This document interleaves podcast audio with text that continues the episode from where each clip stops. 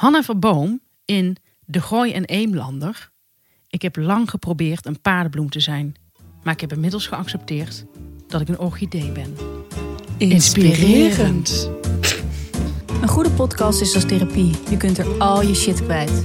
Wij, Stephanie Hogenberg en Janneke van Doorst, bespreken de heetste shit van de week en onze eigen shit. Zodat we samen met jullie weer een kilo lichter zijn. Welkom, we zijn weer terug. Dit is aflevering 57. 57. Heel bijzonder. Ja, we zijn een maand eruit geweest. Ja, en dat hebben we gemerkt. Ja. Hoe hebben we dat gemerkt? Ik heb je heel erg gemist. Je had helemaal niet gezien dat ik eh, gaatjes had geprikt. Nee, gaatjes in je oren. Ik heb gaatjes in mijn oren geprikt. Ik, ja, ik ben 41. Niet zelf, hè? Niet zelf. Nee, nee, heb ik niet zelf gedaan. Dat heb ik laten doen. En eh, met een vriendin. Die had er al twee, die heeft er nog eentje bij gedaan. Dat is helemaal hip nu, hè? Ja. Drie gaatjes. Nee, meer nog. Het gaat, het gaat helemaal, het loopt Rond. helemaal de spuigaten uit, hè, hoe ouder je wordt. En ja, ik heb een hele milde midlife crisis. Gewoon heel mild. Ja, en dat krijg je gewoon. Je hebt, dus, je, je hebt je eerste gaatje laten schieten. Ja, precies. Mensen die met het derde gaatje, die zijn wel echt, eh die zitten er vol in. Ja, die zijn een stuk verder dan ik. Ja. Dus nou ja, ehm, ik ben heel blij om je weer te zien. Ik ben ook blij om jou te Er is zien. En ontzettend veel gebeurd. ik had het idee dat ik, of nee, ik had niet het idee. Ik dacht dat ehm, het een hele grote verandering zou zijn als ik jou met gaatjes zou zien. Maar ik vind het heel natuurlijk staan. Dank je. Ja, het staat heel mooi. Eh, ik heb zelf wel gaatjes ook, maar ik gebruik ze al heel lang niet meer. Maar eh, het eerste wat ik dacht was, moet ik ze ook weer gaan gebruiken? Oh, dat vind ik echt een compliment. En dat is een compliment dat ik naar jou wil maken.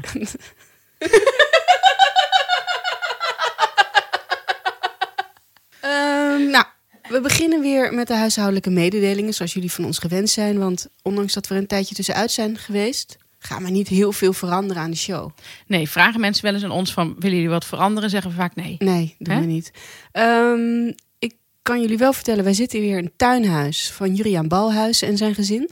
Ja, En ehm, dat is een ontzettend fijne plek in het wonderschone, mooie plaatsje Wijk bij Duurstede. ja. Ik heb de spaghetti bolognese net achter de kiezen. Ja. Heerlijk. Heeft Heerlijk, de hele ja. middag op een pan gestaan. Had zijn vrouw gemaakt. Echt, heel, echt een hele goede bolognese. Want dat is moeilijk, hè? Dat wordt vaak onderschat. Mensen Ja. die er echt eh, geen verstand van hebben, die denken dat dat iets is wat je binnen een uur maakt. Nee. Passatje. Maar dit is iets wat vier uur moet eh, stoven. Sto- Ehm, stoven, toch? Ja. maar wat ik wel heel bijzonder vind, Stef, eh, toen wij afscheid van elkaar namen met de show, Ja. was jij een onbekende schrijfster. Ja. En dat, dat kunnen we nu niet meer zeggen. Jij, eh, jij bent nummer één in de hitparade. Ik ben nummer één. Ja, In klopt. sommige hitparades, in sommige boekhandels ben jij het best verkochte boek. klopt. Zowel bij, in Rotterdam als in Amsterdam. bij Scheldma sta ik op nummer één. En dat is dan ook de Parool top 10. Dat wist ik eerst nooit. Maar daar kom je achter zodra je dan Ja, een, eh, succes hebt. succes hebt. En eh, de Donner boekhandel, boekhandel Donner in Rotterdam, heeft mij ook op nummer 1 Ja. staan. En, dus- en zelfs in Utrecht lag je op twee. Utrecht op 3. Ja. Daar zijn ze nog niet. eh, Maar vind ik voor Utrecht ik, heb, ik, zit, ontzettend goed. ik zit over twee weken bij RTV Utrecht. En dan denk ik dat dat helemaal eh, daarna geregeld is. Ja. ja, Stef, ik, ik weet niet wat ik moet zeggen. Nee. Zie je mij anders nu? Nee, ik zie je niet anders, want dat, daar doe ik ook mijn best voor. Want ik wil gewoon dat deze relatie zo blijft, zoals die is. Vind je mij anders? Daar wil ik nog even voor nadenken. Ik heb, ik heb je pas net weer gezien, hè? Oké. Maar ik denk wel dat, eh, dat succes bij jou gevaarlijk is. Maar ik denk niet dat ik daar de dupe van zal zijn. Nee, jij niet, denk ik. Nee, dat hoop ik niet. Nee, Ik ben een van de stuwende krachten. zeker weten. En jij, wat ik wel heel gek vond, Stef, was dat jij in andere podcasts te horen was. Ja, En hoe heb je dat zelf ervaren? ik zat eh, eerst bij Kitty en Elif van Telegraaf. Ja, En later zat ik bij de Zelfspodcast. Bij eh, Sander Schimmelpenninck en Jaap Reesema. En dat waren volgens mij de podcasts. Ik heb ook nog op de, ra ben op de radio geweest. Maar dat was live. Dat was ook een ervaring. Maar andere podcasts, het is eh, heel gek, want je weet dan nooit zo van... Kijk, hier weet ik gewoon, als ik iets debiels zeg... dan wordt het gewoon zeker weten eruit geknipt Mhm. door jou, eigenhandig.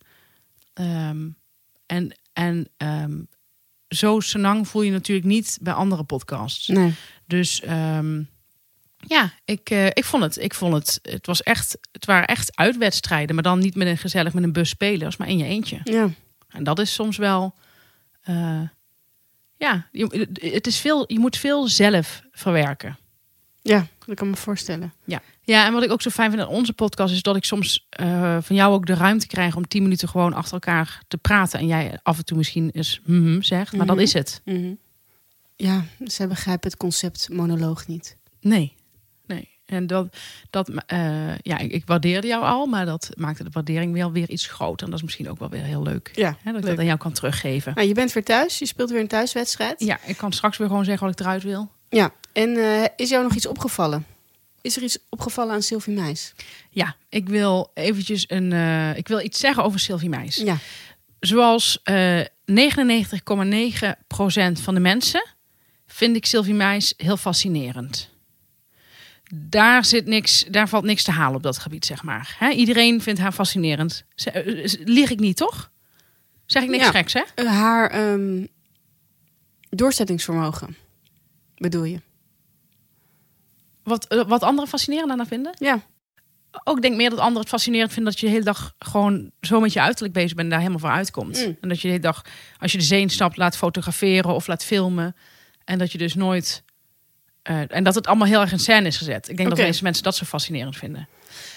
Ik vind iets anders fascinerend en iets heel erg cools aan haar. En wat ik heel erg leuk vind aan Sylvie Meis, is dat zij eh, totaal autonoom is op het gebied van de liefde. Zij is echt niet bezig, en dat is eigenlijk wat wij allemaal willen bereiken in het leven, dat je je niet bezighoudt met de mening van anderen. En Sylvie Meis heeft, daar, heeft dat tot kunst verheven. Dus zij, ja, zij heeft gewoon echt zowat ieder jaar een nieuwe man gaat daar volledig in. En schaamt zich ook helemaal niet. Althans, die indruk krijg ik totaal niet van haar. Eh, schaamt zich helemaal niet dat iedereen dan nu zegt... Goh, het is weer uit met eh, die Castello. Die ik trouwens echt... Nee, dat mag je niet meer zeggen. Nee, ik wilde iets over, over zeggen hoe hij eruit zag. Mag je dat niet meer zeggen?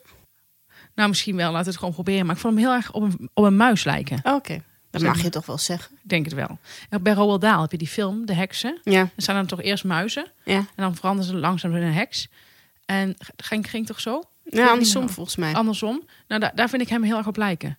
Maar goed, volgens mij een heel aardige man verder hoor. Ja. Maar ehm, ik vind het zo fascinerend dat zij gewoon... Zij heeft geen gêne op dat gebied. Dat vind ik leuk. ja, dat is inderdaad heel fascinerend. Dat vind ik echt leuk. Want zij heeft echt veel mannen gehad. En dat bedoel ik niet op een, eh op een slutshamerige manier. Maar, ehm, ik, zeg maar ik heb zelf best wel een groot schaamtegevoel. Dus ik zou zelf zou ik bang zijn... wat denkt de buitenwereld van mij? Mhm. En de buitenwereld denkt ook de hele tijd van haar... van wat heb je toch veel mannen? Want dat staat ook overal. Van, oh god, het is weer gescheiden. Hè? Hè? Had niemand zien aankomen. ik wist niet eens dat ze getrouwd was. Ze was getrouwd met hem. Het was een Ja. huwelijk van die vier, dat eh, vier dagen lang duurde. Oh, dat heb ik helemaal gemist. Nou, dat was, eh, ik weet niet, volgens mij drie of vier jaar geleden. En eh in een interview zeiden ze van, ben je nog wel bij elkaar? Ja, ja, we hebben het nog steeds heel erg leuk samen. Nou, nu gaan ze dus scheiden. En Mm. eh, nu, zegt, nu zegt iedereen van, eh, van, oh, dat zagen we echt totaal niet aankomen. Zo heel sarcastisch. Ik vind, dat, ik vind dat leuk. Ik vind dat van Katja Schuurman ook altijd heel leuk. Dat die, die kan zo vol voor de liefde gaan. En echt helemaal vol erin. Alsof het echt de ware is. En dat je van de zijkant denkt van... dan moeten we nog even afwachten. Ja. Maar dat is ook, dat is, daar zijn ze ook niet terughoudend in, allebei. Dus eh, meteen een post op Instagram. Dat vind, ik vind dat leuk. Dus ik wil even de loftrompet eh, spelen voor Sylvie. Zeg je dat zo? Ja. Oké. Had jij nog een huishoudelijke mededeling? Nee. Oh. Zal ik dan nog wat vertellen? Ja. Ik heb Splinter Chabot ontmoet. Ja. Had je gezien, hè? Ja, had ik gezien. Had ik gezien, had ik op Instagram gedeeld. Het was zo, eh, vrijdagavond, afgelopen vrijdagavond, mocht ik naar Groningen. Was ik uitgenodigd door Forum Groningen. Nou, eh, dat is een cultureel centrum. Ik weet niet of je dat zo noemt, maar in ieder geval iets cultureels. En eh, Splinter Chabot ging dat presenteren. En ik was samen met de taarten van Abel uitgenodigd, Simon de Jong. En met drie Oekraïense vrouwen die in Groningen een restaurant hebben opgezet. En we kregen een hotel van eh, Forum Groningen die dat organiseerde. En er was een super mooi hotel. Echt een fantastisch hotel. Dus dat vond ik een heel goed begin. Want Mhm. ik hou van een heel goed hotel. En wij hebben natuurlijk zelf ook een keer in Groningen in een hotel Mhm. gezeten voor, een, voor iets cultureels. Dat was een eh, minder goed hotel. Ja. O- ook wel heel fijn. Dat er, ik vind, het is gewoon heel relaxed als er een hotel wordt geregeld. Maar eh, dit was echt super deluxe. Dus je kon ook beneden nog lekker in het restaurant eten. Je kon ruim je kon roomservice bestellen. En eh, eh, het hotel lag recht tegenover het forum, wat een heel mooi gebouw was. Dus vanuit mijn raam zag ik het forum. En eh, dus dat was heerlijk. Dat vond ik echt al een topbegin. En dus ik ging zo lekker eventjes me klaarmaken. En toen heb ik zo één minuut zo gewandeld naar het forum. En toen stond daar boven stond Splinter Chabot. En toen stelde ik me voor aan hem. En mijn, ik had dus een vooroordeel over hem. En mijn vooroordeel over hem was dat ik hem niet zou mogen. Omdat ik dacht, nou niet zou mogen, dat is een groot woord. Maar ik, ik, het- hij leek mij niet leuk, omdat ik dacht hij is zo positief en aardig dat het me bijna een eh façade leek waar je niet doorheen komt. Begrijp je wat ik bedoel? Ja. Had jij dat ook bij hem? Ja. Ehm, zo echt heel positief. ja, zoals heel veel mensen die zo vrolijk en blij zijn, zijn heel depressief. ja. Dat idee heb je. Nou, en ook, ook dat ik dacht van dat je dan dat het bijna oppervlakkig wordt Mhm. als iemand zo positief is.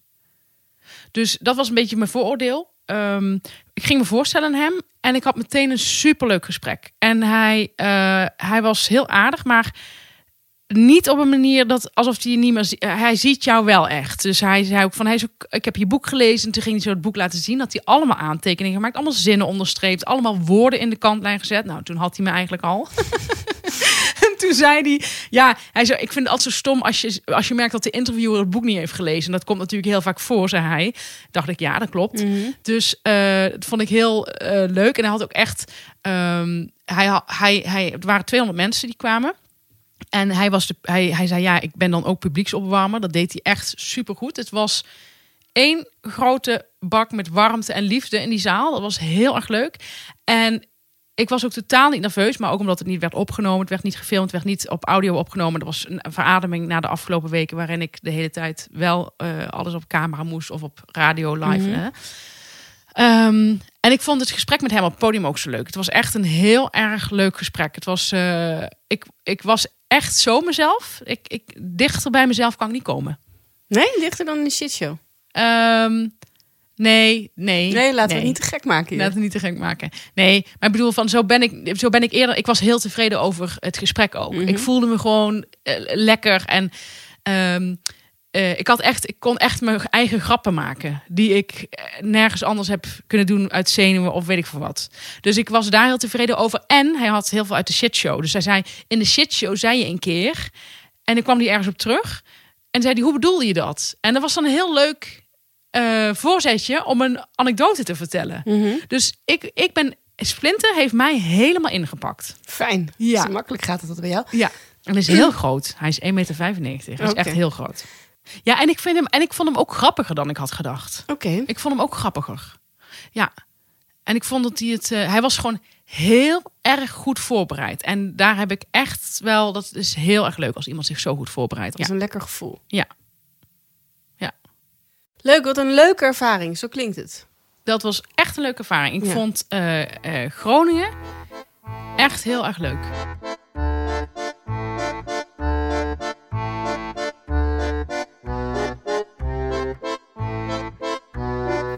Dan zijn we alweer bij de shit van de week. Stef, misschien wil je ook iets vertellen. Wat was jouw shit van de week? Nou, dat vind ik echt zo lief dat je mij het podium geeft. Mm. Ehm, ja, ik moet er soms zo hard voor vechten. Mijn shit van de week is als volgt. Maar ik moet het goed uitleggen, want het kan eh, heel snel verkeerd begrepen worden. Want dat heb ik de Maar afgelopen ik vind weken... wel dat je het altijd goed moet uitleggen. Eh, de afgelopen week heb ik dat al heel erg gemerkt. Dat Oh. het verkeerd kan worden begrepen. Het is zo, als je boek uitkomt, kijk, als schrijver, je wil maar één ding natuurlijk. En dat is dat je boek het goed gaat doen. Nou, eh, mijn boek, we zijn nu een maand verder. Mijn boek doet het goed. Ik kreeg veel media-aandacht. eh, maar het was tegelijkertijd was dat nieuw voor mij. Media-aandacht. Dus het begon met, die, met het interview in de Volkskrant. Eh, het begon met een interview in Telegraaf.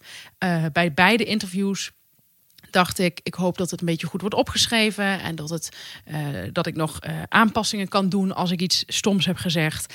En eh, nou, bij Volkskrant was bijvoorbeeld eh, Gijs Beukers, die was zo integer om eh, iets wat ik best wel scherp had gezegd. eh, nog eh, tegen mij, zelf tegen mij te zeggen van wil je dit zo laten staan of vind je het iets te scherp? Waarmee hij al een beetje zei van Mhm. hè, dat vond ik heel vriendelijk. Maar je weet natuurlijk niet hoe een journalist het met jou voor heeft. Dus ehm, daar elke keer ben ik daar toch een beetje wantrouwig in. Want ik wil niet te naïef erin stappen. Dus dat vond ik best wel innoverend al. Dat waren toen nog twee interviews. Maar toen ehm, kwam, kwamen er nog heel veel interviews na. Maar de, de allerergste waren die waar een opname was. Dus op een gegeven moment dat ik bij Kitty en Elif. Maar goed, ik, ik ken Kitty, ik ken Elif. Ehm, en zij, Kitty zei ook meteen van ja, weet je, het is gewoon, eh, het is een safe space. Als Mm. jij iets eruit zou willen, dan kan dat. Het was, was verder niet nodig, maar het moet allemaal maar net. eh, je, moet, je moet maar net gewoon een leuk gesprek hebben. Je moet maar net de juiste dingen zeggen. En eh, eh, bij Kitty en Elif had ik bijvoorbeeld het idee dat ik niet alles had gezegd wat ik wilde zeggen. Niet, dat kwam niet door hen, maar gewoon meer door. Doordat ik soms ook. eh, je valt ook in herhaling. Dus op een gegeven moment ga je ook dingen weglaten. Eh, dus ik had bij Kitty en Elif iets gezegd over open en gesloten vriendengroepen. En toen ging ik daarna naar de Zelfs-podcast. En toen had ik dat bijvoorbeeld, eh, dat was al, vond ik alweer spannender, omdat ik ken Sander wel, maar ehm, het, ik kwam binnen en het is daar wel veel, eh, eh, hoe zeg je dat? Het is daar Heel strak gepland. het is daar heel strak gepland. Dus ik kwam binnen en ik, je gaat meteen daar zitten. En het begint met 3, 2, 1. En dan ga je de podcast opnemen. En zij werken best wel strak. Dus 40 minuten nemen ze op. Dan ronden ze af. En dan is het, halen ze dat 30 minuten uit. En ik was best wel een beetje zenuwachtig ook. Dus ehm, dan ben je natuurlijk niet, als je een beetje zenuwachtig bent, ben je niet op, niet op je allerbest. En ik dacht dat van die gesloten open vriendengroepen leek me een beetje in herhaling vallen. Dus ik, dan had ik dat weggelaten en eh, ik kwam eruit. En toen had ik best wel een, een gloeiend hoofd. En ik dacht, eh, nou, ging volgens mij wel aardig. En naarmate de dagen vorderden, en het zou pas twee weken later worden eh, geplaatst. Heet dat zo uitgezonden? Ik weet nog steeds niet. Ehm, in die twee weken eh, ging die hele opname zich vervormen in mijn hoofd. Dus dacht ik van, oh, ik heb echt hele saaie dingen gezegd. Ik heb niet gelachen als zij een grapje maakte om mij. Eh, om iets wat ik zei, heb ik volgens mij niet gelachen. Heb ik met een uitgestreken smoel gekeken, waardoor het lijkt alsof ik gewoon niet tegen humor kan. Eh, dus dit, dit ging zich helemaal vervormen in mijn hoofd. En als je dit dan tegen mensen zegt die zelf nooit dit soort dingen doen, dan eh, zeggen ze: Oh joh, je moet, je, moet, je, moet, je moet gewoon genieten dat je boek het zo goed doet. Dan denk ik, ja, maar dat staat er helemaal los van. Ik ben gewoon heel onzeker of, dit, of, je dat allemaal, of het allemaal goed gaat. En of je het, het, het voelt elke keer weer als een tentamen. En op je, als je op. eh, eh, alsof je je hoofd op het hakblok legt. Want elke keer kan, het, kan je wel iets stoms zeggen of iets eh debiels zeggen. En er waren gelukkig twee mensen die, eh, bij wie ik dit allemaal kwijt kon. Want die hebben zelf ook vaker... Eén iemand heeft ook met zijn boek dit soort dingen gehad. En die eh, zei van ja, ik ken het precies. Dan, eh, hij had zichzelf ook niet durven terug te kijken. Hij zat bij een talkshow. En ehm, dus die begrepen het wel. Maar de andere mensen zeggen van... "Ja, maar het is toch leuk dat je over mag komen? Dan denk ik, maar dat zeg, dat, dat zeg ik niet, dat het niet, niet leuk is. Ik heb het nu over mijn onzekerheid van of het wel. En ik moest dus twee weken wachten om te zien of het een beetje goed was gegaan. Ehm, ik vind het een beetje vergelijkbaar met dat je op vakantie gaat en dat je dan bijvoorbeeld tegen mensen zegt van. eh, ja, ik ga morgen op vakantie, maar ik moet vandaag nog heel veel doen. Ik moet nog allemaal dingen afronden en nog inpakken. En dat iemand dan zou gaan zeggen: Is toch lekker dat je op vakantie gaat? Dat staat daar dus helemaal los van. Het zijn twee hele verschillende dingen. Ja, het is lekker dat je op vakantie gaat, maar je moet nog steeds dingen afronden. Dus die dag is gewoon stressvol. Nou, zo kun je dit ook zien. Ja, je wil die media-aandacht, dat is fantastisch. Maar daarna, en misschien, ik denk dat sommige mensen dit niet hebben, die dit vaker doen, of die gewoon geen enkele onzekerheid kennen of geen eh, zelfbewustzijn. Maar eh, ik heb me best wel veel eh, na afloop eh, zorgen gemaakt of het allemaal wel goed was gegaan. En wat ik wil zeggen over die open gesloten vriendengroepen, dat had ik dus eruit gelaten bij de Zelfspodcast. Toen ging ik met mijn uitgever lunchen, want die wilde met mij lunchen, wat natuurlijk ook heel erg leuk is. En die zei, ja, ik had naar de podcast geluisterd met Kitty en Elif en ik vond het echt een inzicht van die open en gesloten vriendengroepen. En in plaats van dat ik dacht, wat leuk dat hij dan de inzicht vindt, een, een man van, eh, hoe oud is hij, 66, eh, dacht ik, shit, ik heb dat niet meer bij de Zelfspodcast herhaald. Snap je? En dat maakt dat je gewoon dat het allemaal echt veel energie kost. En dat je ook nog s'nachts erover het dromen bent. Die zelfspodcast is heel vaak in mijn dromen voorgekomen. Eh in één droom was, stond mijn microfoon niet aan. Moest het allemaal opnieuw. Eh, dat soort dromen krijg je dan. Van die tentamendromen. Zou ik iets mogen zeggen? Ja. Ja? Het was echt een monoloog. Dat besef ik nu pas. Ik zit- maar van een afstand zit, zit ik daar wel van te genieten. Maar eh, iemand zei tegen mij van... Oh, hoe, hoe voelt dat succes? Dat moet echt heerlijk zijn. En eh, dan ga ik niet zeggen ja, maar... Nee, zeg ik ja, inderdaad, het is heel lekker. Eh, maar ik, ik- de eerste twee weken... En nu begrijp ik steeds beter waarom sommige schrijvers het met een kindje vergelijken. Wat natuurlijk een, een belachelijk cliché is. Maar eh, ik was de eerste twee weken echt high. Ik dacht van, ik denk dat dit is voelde als je een bevalling hebt gehad. Dat je dat niksje van je, uit je, van je stuk kan brengen. Niets. Twee weken lang. Was echt lekker. Maar ik wist al, dat komt op een gegeven moment dat het in één keer weg is. Die high. en dan, eh, en hij, hij is er nog steeds wel een beetje, maar ik ben wel nu van mijn stuk te brengen. Ik vond bijvoorbeeld één, ik had één interview gedaan, maar eigenlijk wil ik niet dat mensen dat zien. Dus ik wil niet zeggen waar het staat. Eh, het was niet een podcast, dat kan ik wel verklappen. Maar mijn eh, redacteur vond dat ook niet een heel goed interview. Dat liet hij eh, wel een beetje blijken. En ehm, ja, dat vind ik er wel. Ik vind dat, ik vind dat wel echt lastig. Dat staat nu voor eeuwig ergens op het internet. Maar ik denk dat voor heel veel schrijvers dit echt als een verplichting voelt. Natuurlijk is het leuk om mensen uit je verleden dat ze je foto in de krant zien. Ja, Dat is lekker. ja, Ehm, maar interviews geven over jezelf, over je boek. Het is voor heel veel schrijvers, denk ik, ook echt een verplichting naar de uitgeverij. ja. Een verplichting naar je boek toe, omdat je wilt dat het een succes wordt. Maar niet voor jezelf per se een plezier. Nee. Ik denk dat dat heel zelden zo is. Ja, wel dus als het, als het goed gaat. Dit succes van jou weerhoudt mij er bijna van om een boek te schrijven. Nou, dat had Melle dus ook. Ja. Dat heeft Melle ook. Die zei van, ik moet er echt niet aan denken wat jij nu allemaal moet doen. Daar moet ik niet aan denken, zei ze. Ik zou willen dat mijn uitgeverij geen PR doet. Ja. Gelukkig gebeurt dit bijna nooit. En je hebt een onderwerp en dat is heel fijn. Dus het is heel, als je dit niet wil, schrijf een boek zonder echt onderwerp. Ja, gewoon lekker in de luwte. Maar ehm, wat, ik ook zo, wat ik ook zo tegenvallend vind van eh, mezelf... maar ik weet wel dat dit een, dit een ding is, want dat zei je ook al... maar dat je dan iets vertelt op het podium... ehm, wat je zo, en ook een bijna een soort taal gebruikt... dat je gewoon zo niet zou gebruiken. Ja. Ik ben dus bang dat als mensen dan eh, een keer op mijn naam googelen... en dan bij zoiets uitkomen... en als je mij verder niet herkent... dat je denkt dat ik een beetje een mongool ben. Dat kan gebeuren. Ja, Dan moet je maar gewoon bedenken, dat kan gebeuren. ik hoop het. Maar iemand had er ook onder Ik hoop het. Oh, wat? Ik zei, dat kan gebeuren dat mensen dat dan denken. Zeg ik hoop het. Oh, oké. Nee, dat klopt niet. Ik dacht dat je iets anders ging zeggen. Maar ja.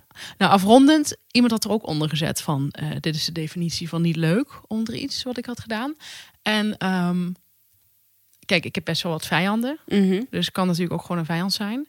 Maar het eerste wat ik dacht was... die persoon heeft gelijk. Dus eh, je moet best wel sterk in je schoenen staan. Wil ik nog één allerlaatste ding zeggen? Oké. En hierna mag jij ook echt wat eh, vertellen. Ehm, ik had een interview geluisterd met Brad Easton Ellis. Dus ook best wel een tip. Met eh, Pieter van de Wielen.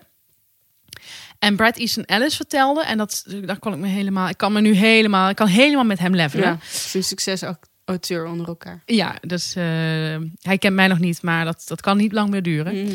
Ehm, hij zei dat hij de periode van lezingen geven en interviews, dat hij dat ook een, een, minder fijne periode vond.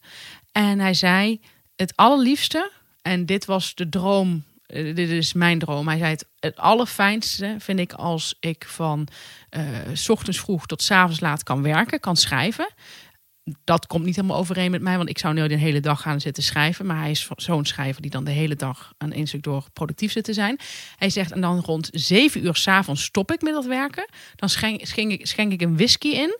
En dan ga ik lekker met mijn vriend in de keuken scharrelen en kijken wat we eens gaan eten. Nou, vanaf daar begon het helemaal mijn ding te worden.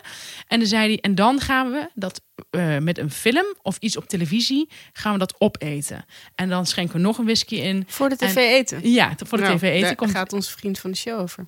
gaat onze vriend van de show over. En ehm, hij zegt, dat zijn mijn ideale avonden, dat we dan gewoon lekker zo rond een uurtje of elf naar bed gaan. Dit is exact de droom zoals ik wil leven.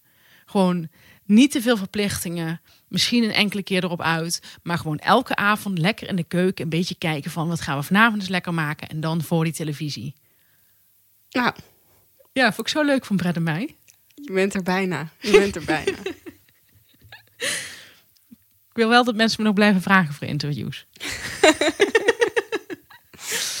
Mop. Je hebt gaatjes geschoten, je hebt ook nog, ook nog andere shit meegemaakt. Ik maak het- dingen mee. Dat Ik heb pijn niet heel toch, die veel- gaatjes. Nou, viel wel mee. Ehm, ja, nou, ik heb dus een heel rustige periode gehad. Dat is ook wel eens leuk om te vertellen. Ik heb Ja. heel veel gelezen. Ja, je was echt, je was, je was heel erg, echt een beetje alsof, eh, ja, ik zit heel erg in de tentamenvergelijkingen. Ik kom er even niet uit. Maar eh, alsof we allebei een tentamen hadden. En dat jij echt tijd zei van, ik heb hoofdstuk 1 al geleerd en hoofdstuk 2. En je was gewoon elke keer, en dat boek heb ik al uit en dat boek heb ik al uit. Ik werd helemaal niet goed. ja, ja, jij leest sowieso al heel snel. Maar je hebt echt zoveel gelezen. Ik heb veel gelezen. Ja. Maar ik, ik, ik, ik hoefde niet naar Groningen en naar Sittard. En dat mag er ook Ja, zijn, hè? Weet je? En dat mag er ook zijn. Maar ik, Ik- was ik gewoon wel een beetje andere-. Ik heb een ander soort pauze gehad. Laat ik Ja. het zo zeggen. Ja, je hebt een andere soort pauze gehad, ja. Ehm, maar ehm, op een gegeven ogenblik kwam er iets op Twitter... wat mij, wat mijn wereld op zijn kop zette. Kan ik wel even zeggen. Daar ben ik heel benieuwd, want Ja. ik heb hier nog niks van gehoord. Jawel. Huh? Je, hebt, je hebt het niet gehoord dat, ik het, dat het zo groot was. Want ik wilde je ook niet lastigvallen. Want je had al genoeg aan je hoofd. Ja, ik kan heel veel tegelijkertijd hoor. Heel Ja. veel ballen hoog Ja, houden. maar en het? genieten en stress. Maar ehm, op een gegeven ogenblik ging het, eh, was er een stuk in de krant. Dat heette Stop met de ochtendmens te verheerlijken. Oh ja. En dat sloeg bij mij in als een bom. ik ben geen ochtendmens, maar ook nooit geweest. Volgens mij ben ik gewoon als avondmens geboren. Ja. Ehm, daar heb ik altijd wel een beetje schaamte voor. Dat geloven mensen misschien niet, maar dat komt door de buitenwereld. Dit hebben heel veel mensen, hè? Ja. Schaamte hiervoor. En waarschijnlijk hebben heel veel mensen dit al eerder allemaal ontdekt en geaccepteerd en therapie over gehad. Maar ik allemaal nog niet. Hm. Ik heb het altijd gewoon een beetje zo weggemoffeld in mijn hersen, in mijn hoofd. En er niet bij, zo bij stilgestaan. Want je kunt niet op alle slakken, alle nare slakken in je hoofd zout leggen.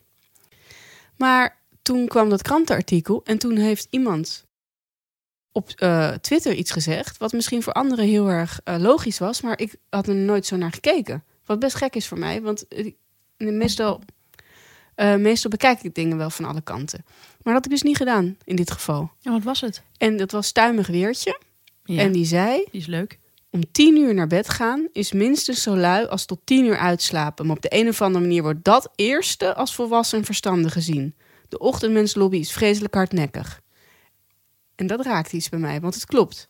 Ik had volgens mij wel gezien dat jij dat had geretweet zelfs. Of Ja. geliked. Ja, ik had erbij geschreven, beste tweet van 2023. Oh ja, dat heb ik gezien. Ook om mensen vast uit te leggen dat het zo was. Ja. En dat raakte mij heel erg, omdat ik al mijn hele leven dus schaamte heb. Ik slaap bijna nooit voor half twaalf. Ga ik bijna nooit voor half twaalf 's avonds naar bed. Maar doordat de hele wereld en ook kinderen daar niet op eh, gericht zijn, want je moet overal weer op tijd zijn, eh, sta ik wel vroeg op. Dus ik heb een soort chronisch slaaptekort. Mhm. Al die mensen die lekker om half zeven naast hun bed gaan staan vrolijk, want ik heb echt veel moeite met opstaan, die denken dat zij hele actieve mensen zijn. Maar ik ken mensen, dat is echt, echt waar, die slapen elke avond om half tien. En die gaan dan om half zeven op. Maar ik moet ook om half zeven op, maar ik slaap om half twaalf. Ja. En zij vinden zichzelf ehm, actieve mensen. Ja. ja, dat is echt een goed punt. En daar heb ik nooit zo over nagedacht, omdat ik altijd een beetje schaamte had voor hoe moeilijk ik uit mijn bed kom. Hoe hekel ik heb aan vroeg opstaan.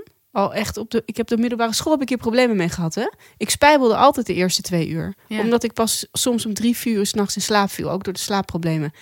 En dan moest ik weer naar school. En nooit was er een leraar die zei: hey, wat opvallend. Jij spijbelt alleen maar de eerste twee uur. Nooit een keer als er een toets is per set 15 Nee. uur of 60 uur. Alleen de eerste twee uren. Ja. Dat er is een leraar. Gewoon eens zou de- nadenken. Ja. En denken dat is dus iets misschien met slaap. Ja. Ik zelf had het wel al ontdekt dat er iets met slaap was. Dat ik gewoon slecht sliep. En dat ik dan gewoon die wekker ging. dacht, ja, ik heb echt net een paar uur geslapen. Dat trek ik gewoon niet. Ik heb altijd mezelf toch een beetje een soort luilak gezien. Dat snap ik heel goed. Ik snap het probleem heel goed. Ja, dank. Fijn. Fijn dat ik het hier zo kan ventileren.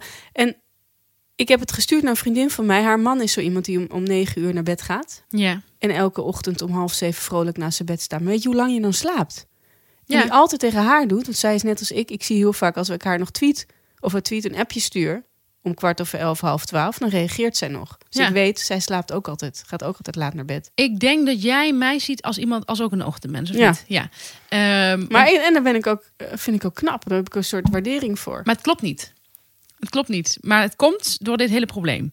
Ik zet dus altijd mijn wekker, ook in het weekend. Dus eh, ik heb eh, eigenlijk altijd mijn wekker door de week heb ik hem om acht uur staan. Vinden mensen met kinderen dan heel laat. Nou, eh, rot op. En eh, in het weekend zet ik hem om half Ik vind negen. dat dus heel knap. Ik zou dat nooit doen als ik geen kinderen had. Maar ik, ik, ik snoes ook wel vaker. Wat trouwens echt heel slecht schijnt te zijn. Daar heb ik nu een filmpje over gezien. Maar maakt niet uit. Is niet te doen. Het is niet te doen om niet Oh, te snoezen, vind Daar ik. wil ik ook nog meer over weten dan, maar dat doen we even ga ik, zo, de show. ga ik zo nog even uitweiden. Ik ga een nieuwe monoloog beginnen. Maar ehm, in het weekend zet ik om half negen. Dat is dan uitslapen. En, en soms slaap ik nog wel eens verder uit. Maar ehm, het is bij mij uit een soort angst. Ik vind dus echt uitslapen zonder wekker, wat kan in het weekend. Ik heb dus natuurlijk geen kinderen. eh, vind ik iets, eh, vind ik echt een soort controleverlies. Want het kan, dus, kan dan zijn dat je misschien pas om 12 uur wakker wordt. Gebeurt mij niet, omdat die controle gaat in mijn hoofd door s'nachts. Dus, ehm, dus ik ben eigenlijk altijd best wel vroeg wakker. Maar het is meer uit, ja, wat ik zeg, controleverlies. Want als ik bij mijn ouders thuis slaap, en dat gebeurt niet vaak, maar bijvoorbeeld met kerst twee dagen dat ik bij Mhm. mijn ouders ben, dan, of bij mijn vader, dan, ehm, dan ben ik echt niet uit bed te krijgen. Dan slaap ik gewoon met gemak tot tien of half elf of zo. En dan zou ik eigenlijk nog veel verder kunnen slapen. Maar het is een soort geborgenheid die ik dan daar heb. Die ik thuis niet voel. Mhm. Zielig, hè? Ja, Ja. Ja. Het komt ook een beetje voor. Ik wil ook niet als lui bestempeld worden. Daar, en daar vecht ik tegen. En Ja, dat is ook die maar is het- wekker. ik heb heel vaak van jou dat jij mij om, om kwart over zeven appt, s ochtends. dat ik echt denk, waarom zou je dit doen? Als je geen kinderen hebt. Ja. Geniet ervan. Maar ik sta dan niet naast mijn bed, hè? Dus ik zit niet Nee. al. Ik, ik, ik blijf dan gewoon liggen. En vaak zit ik dan nog. En dan ga ik daarna nog wel eventjes slapen. Ja, ik weet wel dat je wel eens middagdutjes doet, maar ik... ik ehm, nou ja, ik, ik zag jou als een ochtendmens heel lang, ja. Ja. Ik wist dit niet. Het is wel leuk dat we het hierover hebben. Het klopt dus niet. En eh, onze hulp. eh, eh, we hadden echt een soort assenpoesterhulp. Echt een zo'n. Ja, ik vond haar een soort prinses vroeger. Nog steeds wel. Maar ze heeft zo'n heel mooi kapsel. Zo helemaal opgestoken. Prachtig. En die zei altijd: je kunt beter wat vroeger opstaan. En dan smiddags een dutje doen. Nou, dat is mijn, mijn levensmotto geworden. Dus Ja. ik doe eigenlijk altijd. En waarom dan? Omdat ik het zo gedisciplineerd van haar vond. En ik wil ook gedisciplineerd zijn. Terwijl Ja. ik dat eigenlijk helemaal niet ben. Maar Nou, eh, ik vind het heel knap. het is Echt eigenlijk, knap. speel ik Keeping Up Appearances de he- al mijn hele leven. God, dat wist ik niet. Ja, is goed dat we het even... Maar en ik word wel Ja, maar dat vaker is toch- wakker. En toch vind ik het toch karakter. Ik zou het niet doen. Ja. ja, ik zie het niet als een echt een... Echt een eh, niet echt als karakter. Oké. Maar Bij mij heeft het echt mijn ogen geopend. En ik, ja. ja, je zou kunnen denken, ben je ook laat bij? Heb je 41ste? Maar goed, ik ben ook laat met die gaatjes. Eh, sommige dingen komen gewoon wat later bij mij. Ik heb het gewoon nooit zo gezien. ik moet eerlijk zeggen dat ik wel... Ik ken mensen die in het weekend tot 12 uur uitslapen. Daar heb ik wel iets tegen. Dat is wel weer zo. Ja, dat is wel lang. Ja, maar ik vind dat ook, ehm, die draaien bijna de dag en de nacht helemaal om. En dat vind ik bijna, ja, ik, ik ging dus op vakantie met iemand, staat ook in mijn boek, met eh Gijsbert. Mhm. Ehm, Gijsbert is een uitslaper. En dat vind ik. eh, sowieso is het heel lastig als je op vakantie bent. Want dan ben ik sowieso van, van zin. eh, ben ik sowieso wel. En met, met licht in de lente gaat het me allemaal veel makkelijker af. Mhm. Dan ben ik best wel, eh, best, best wel goed met opstaan. Ook op vakantie. Hij niet.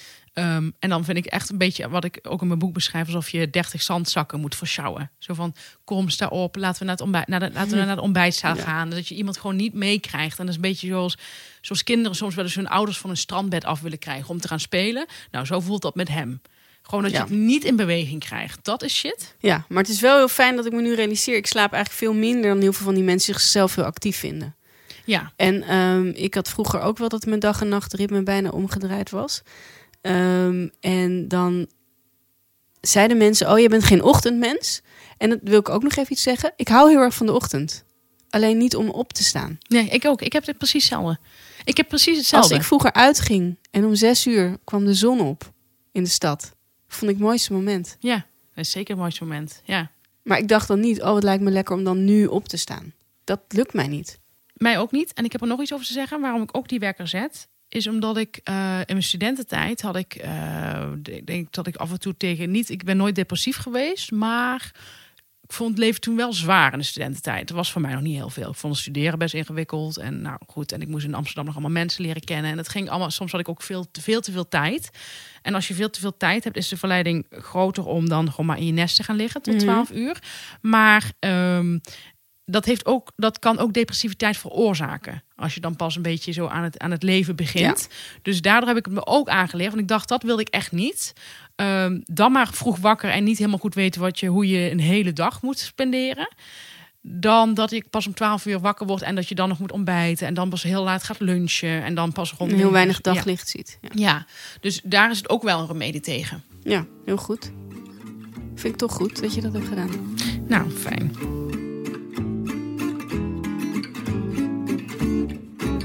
Nou, we hebben geen rubriek. Maar eh, ja, is onze show. Ja, we hebben geen rubriek. Komt wel weer een keer. Ja, kom op wel een keer als we wat leuks bedenken. Maar Ja. nu even, hebben we even niks. Nee. We zijn even leeg. We hebben weer een adverteerder. En dat is, Jan, zeg het maar, Het is weer Storytel. Storytel. Ze kwamen gewoon met hangende pootjes weer terug. Ja, als je eenmaal bij ons adverteert, dan kun je eigenlijk niet meer zonder. Nee, omdat je merkt dat het gewoon eh, dat het zo aanslaat. En eh, zeker omdat wij zo gepassioneerd zijn over de dingen die we lezen en luisteren met Mhm. Storytel. ehm, ja, werkt het gewoon heel goed. Ja, nog even voor de duidelijkheid voor kijkertjes die nu pas inhaken. Wat is Storytel?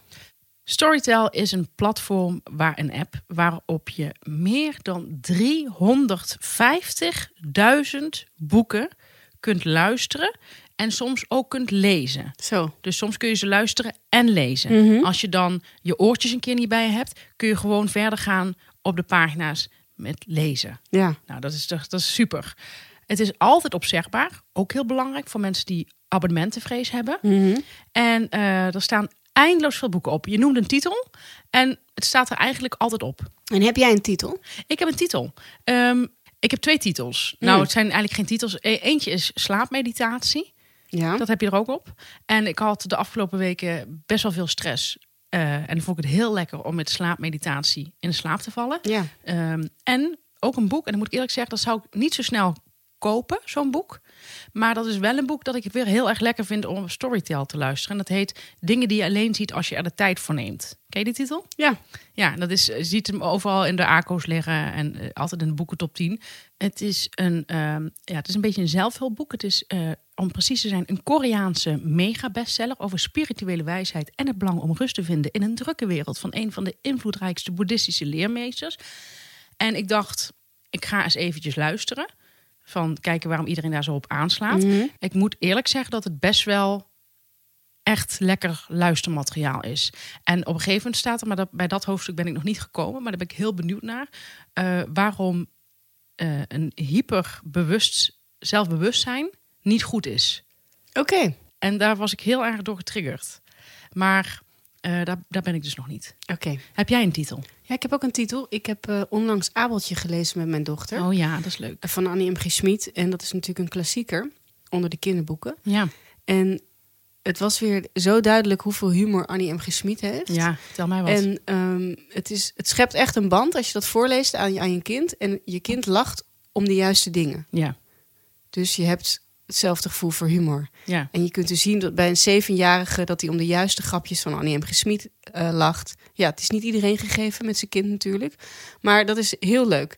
En het leuke is, ik ben ontzettend fan van de voorleesstem van Flip van Duin, de, do- eh, de zoon van Annie M. G. Schmid. Die heeft een geweldige voorleesstem. Die leest ook Jip en Janneke voor. Heel veel mensen zijn heel erg fan van Jip en Janneke. Dat had ik niet, tot dat Flip van Duin het voorlas. hele zware stem, toch? Heel fijne stem. Ja, ik ken hem. Ik, Zou ook een fijne slaapmeditatie kunnen zijn trouwens. Ja, Zou hij ook heel goed kunnen.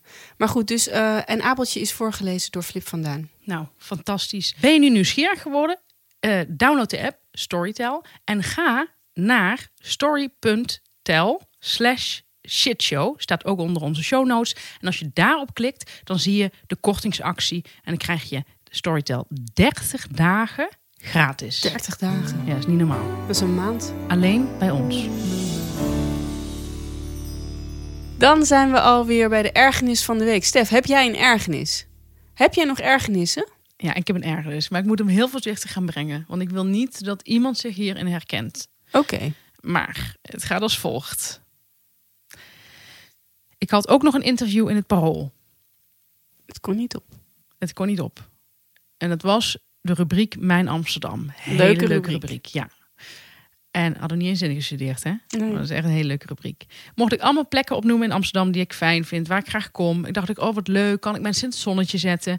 Ehm, ja, Ik heb bijvoorbeeld eh, Pandemie genoemd op de Kinkerstraat. Mhm. Ik ben een groot fan van Pandemie. Ik kom er, ben er nu eh, vier keer geweest. Eh, ook omdat de filmhallen, de, de bioscoop ligt daar om de hoek. En dan vind ik het heel fijn om daarna nog even een klein alcoholvrij biertje of een cocktail te drinken bij Pandemie. Heel fijn.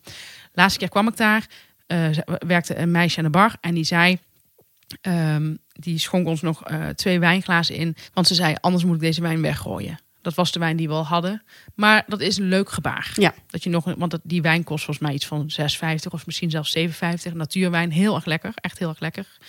Ehm, nou, schonk ze nog een keer extra in. Dat vind ik eh, heel erg leuk. En het werkt ook heel erg goed in de, bij, eigenlijk bij alle ondernemen, bij ondernemingen, bij, in horeca, maar ook andere ondernemingen. Gewoon bij de tandarts. Ja, bij de tandarts. Ja, weer iets minder. Maar ehm, mijn vader zegt altijd: als je een. Mijn vader zit totaal niet in de horeca, maar dit neem ik toch wel van hem aan. Als je eh, een uitbater bent, moet je zorgen dat je mensen altijd iets gratis geeft. Dus dat is bij sommigen is dat een bakje met nootjes. En dat is gewoon dat dat werkt goed voor mensen. Nou, dat doen ze bij pandemie dus heel leuk, omdat ik daar een paar keer ben geweest. En die, eh, dit, dit was dan toevallig een vrouwelijke medewerker. Maar die eigenaar, die eh, kent mij inmiddels nu. En die zou dat ook hebben gedaan. Ja. Heel vriendelijk. Ik had hem dus genoemd. Ik weet zeker.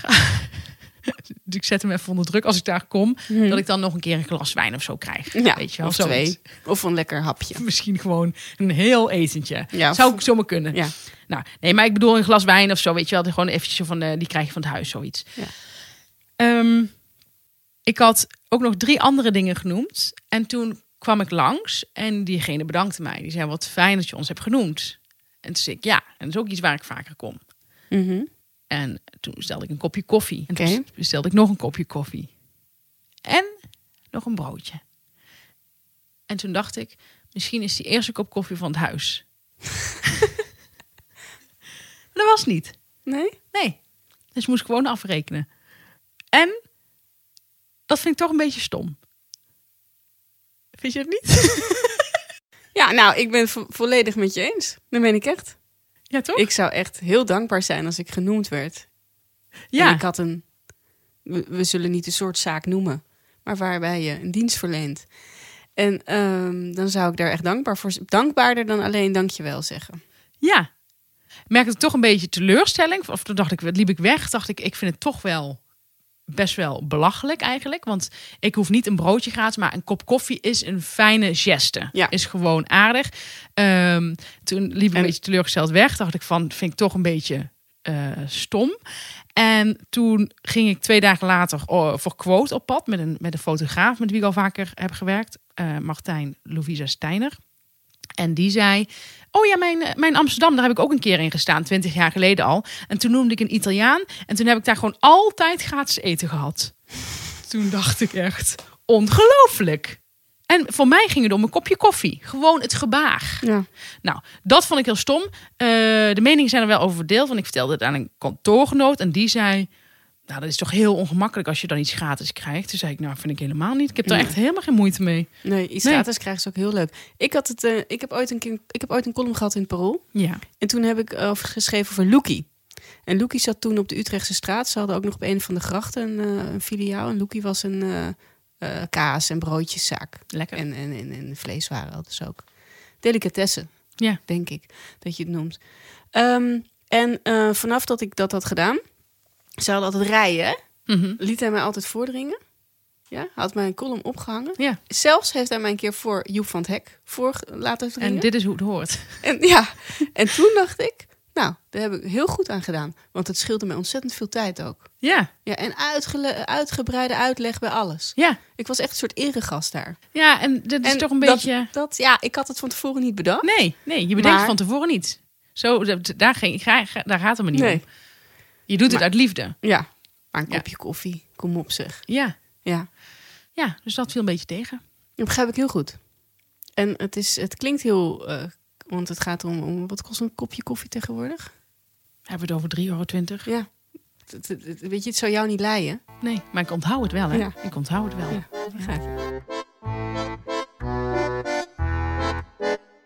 Wat was jouw ergernis? Nou, mijn ergernis, ik heb een nieuwe computer. Sinds vandaag. Klinkt helemaal niet als nieuw ergernis. Ik heb hem meegenomen, ben er ook heel blij mee. Maar wat ik heel lastig vond, een, ik heb expres even een hele korte ergernis voor de show. Dus ik cijfer mezelf even om mij te redden. Ehm, is dat ik, voordat ik in de MacBook, het is een MacBook, zal ik even bij zeggen? Ja, Waarschijnlijk geeft Apple mij nu wel, denk ik, iets gratis, een iPad zo zijn ze.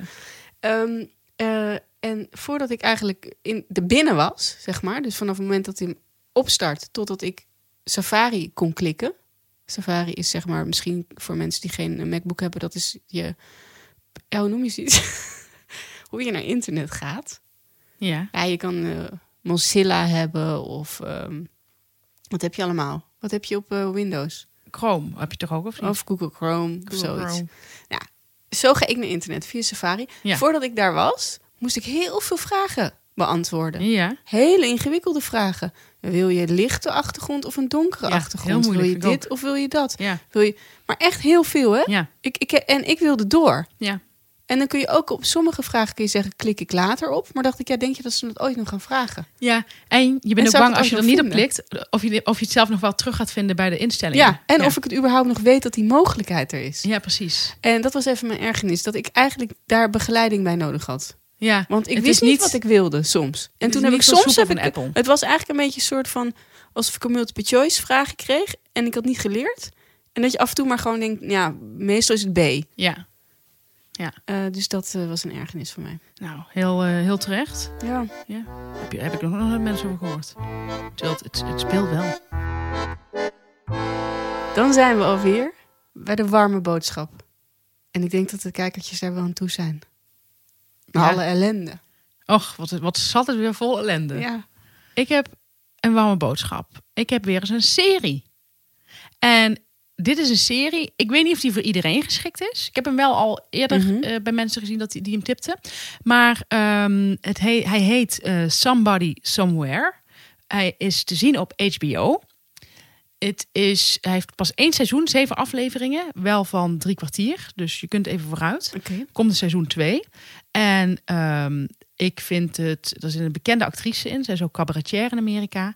En ik vind het een heerlijke serie. Het gaat over een heel saai dorp in de staat Kansas.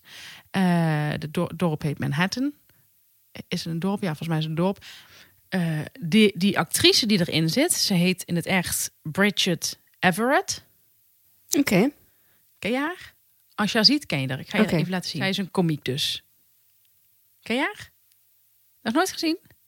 Ik zit te kijken, nee. Volgens mij zat ze ook bij eh, Comedians in Cars Getting Coffee. Oké. Met Seinfeld. Nou, die heb ik niet allemaal gezien. Ehm, hij had niet heel veel vrouwen, dus eh, je kunt, kunt er zo opzoeken. Mm. Als je dat zou willen. Hè? Maar zij speelt in die serie en zij eh, speelt dat zij, is, dat is haar geboortedorp, Manhattan in Kansas.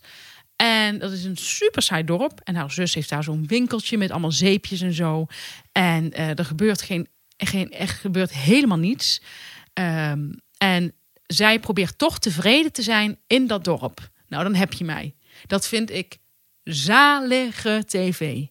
Eh, zo'n van die ja zo'n heel rustig dorp ook in de zin van eh, zo Amerikaans dus heel wijd met heel veel vlaktes en zo en eh, ja dan maar een paar hoofdfiguren die die het dan moeten doen en een, en een vader en een moeder en ja dit is dit is mijn warme boodschap Oké. maar ik kan me voorstellen dat sommige mensen dit is ja, want ik hou er in het echt ook van om in Amerika heb ik dus ik ben dus inmiddels zes keer in Amerika geweest en eh, ik heb dus met een vriendin ooit zo'n roadtrip gedaan en gingen we ook naar van die hele saaie dorpen waar niets gebeurde. Dat vond ik echt het einde. Ja? Ja, en dat heb ik dus een keer tegen jou gezegd dat een vriendin toen zei van oh, het zou niks voor mij zijn, wat Mhm. ik o- overbodige informatie vond. Dus ik denk ook dat dit iets kan zijn van als je dit als dit jou niet aanspreekt, een heel saai dorp, moet je dit niet gaan kijken. Maar als je denkt van ja, ik vind in die verveling zit voor mij romantiek. Ja. Dus dat vind ik heel leuk. Oké. Klinkt het als iets voor jou? Oké, Ja, ja. Nou, ik ben ook weer heel erg toe aan een nieuwe serie. leuk. Dus ik ben er super blij mee. Cool. Ik had helemaal geen serietip verwacht op de een of andere manier. Nee, ik dacht, zat- jij omgeef je natuurlijk met alle, allemaal eh, literaire wereld en zo. Ja, nee, een doe ik niks mee verder. Nee, fijn. Nee. Zit er alleen in, maar ik doe er niks mee. Nee. Wat was jouw Ik had wel een boek. Heb jij een boek? Ja. Ja. Ik heb een klassieker. Een echte klassieker. Oh, ik ben heel benieuwd. Ja. En ik denk dat er een kans is dat jij het wel eens hebt gelezen. Omdat het een. Franse klassieker is. Oh, En ehm, Ik vrees van niet. Oh, ehm, ja, ik ben helemaal fan. En het is heel gek, want eh, mensen die denken, Janneke, dit is, iedereen kent dit boek. Maar dat zullen de wat oudere mensen zijn. Dus ik hoop dat ik ook weer een publiek aan Ik ben spreek. echt heel erg benieuwd. Bonjour Tristesse Ik ken van het Françoise Sagan. Het is zo'n fantastisch boek.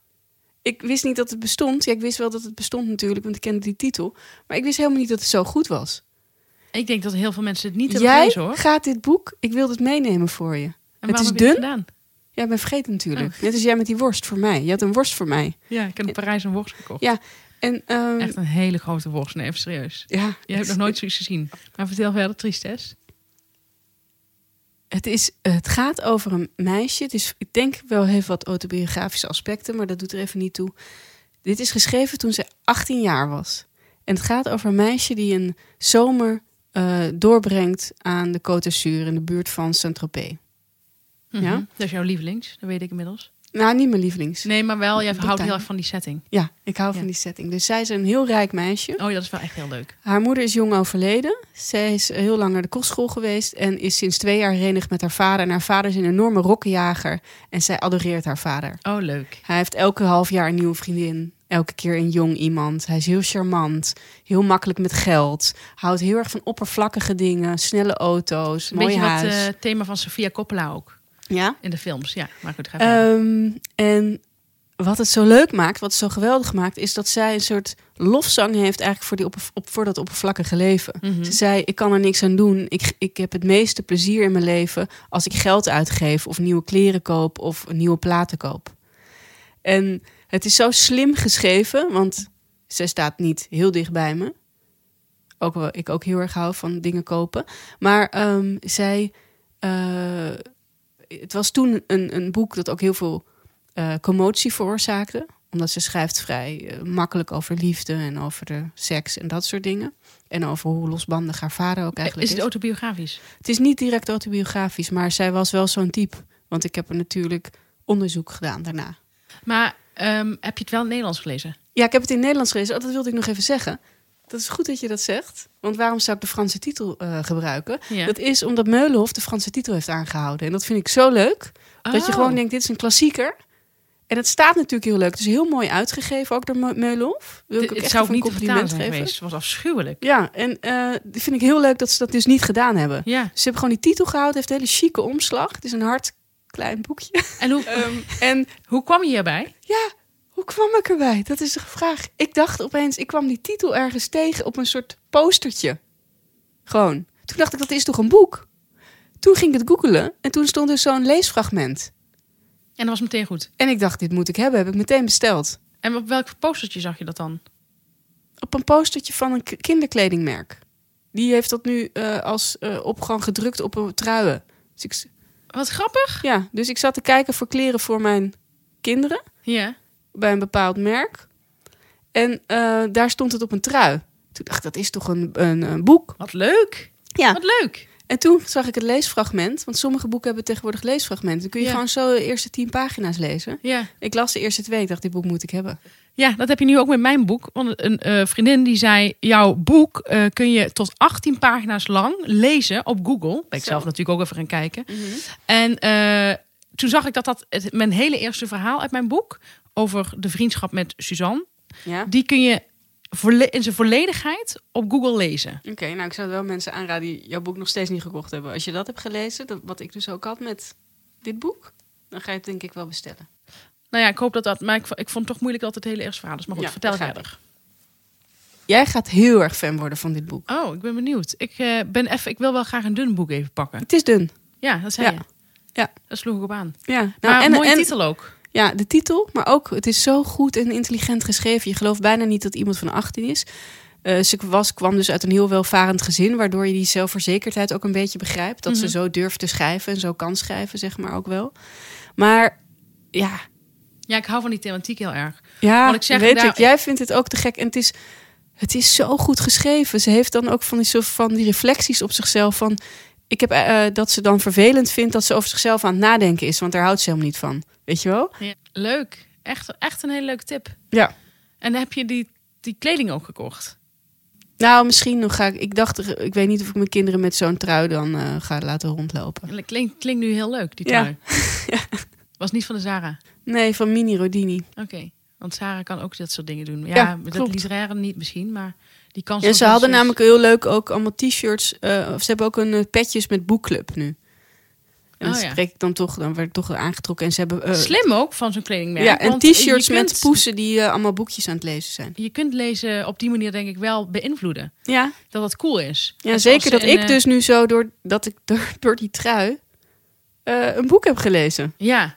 Los Angeles heeft namelijk ook zo'n trendje gehad. Hè? Dat heb ik al zo verteld, toch? Dat ze dan fotomodellen allemaal met een boek onder de arm liepen. Als ze eh, Ja. met pap door paparazzi werden geschoten. Dat vond ik zoiets cools. Ja, is ook echt zo leuk slim. bedacht. is ook goed gedaan. Maar leuk. Dus heel leuk. eh, echt een aanrader. Oké, ik ga wel hier ieder lekker kijken. Of die daar te, daar te koop is. Ja, ga dat doen. maar ik zou hem ook aanraden als boekje. Oké. Omdat hij zo, hij ligt lekker in de hand. En stel je voor dat je in Parijs zit en je zit dat boekje te lezen. Ja, dat, ziet er, dat is wel leuk, ja. Ja, of je gaat Ja, naar dat vakantie naar bestellen Frankrijk. dan. Ja. Leuk. Eh, dit was het alweer. Showtje 57. We hebben er heel lang naar uitgekeken.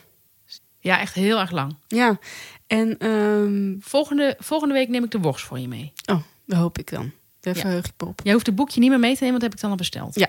Echt doen.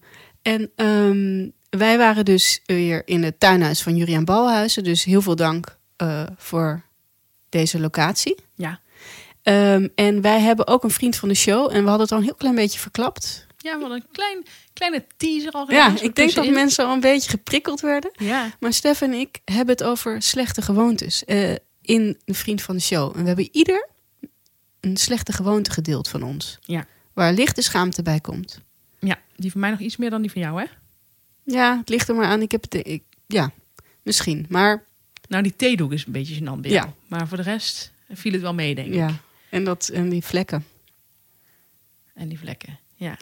Ehm, Nou, Dus ik wil luister, even ook één keer zeggen over vriend van de show, want dat blijft een heikel punt voor sommige mensen. Dat is eh, namelijk het volgende. Sommige mensen gaan naar www.vriendvandeshow.nl en dan slash shitshow, maar dat moet niet. nee. Ze moeten naar vriendvandeshow.nl gaan en dan pas ga je naar de shitshow zoeken. Ja, op die pagina. Op die pagina, dan zie je allemaal podcasts staan en dan zie je vrij snel de shitshow bij staan. Daar klik je op en dan kun je aanmelden. Want dat schijnt soepeler te gaan dan dat je slash shitshow doet. Dus probeer het eens uit en laat eens weten hoe het ging. Ja. Tot volgende week. Tot volgende week.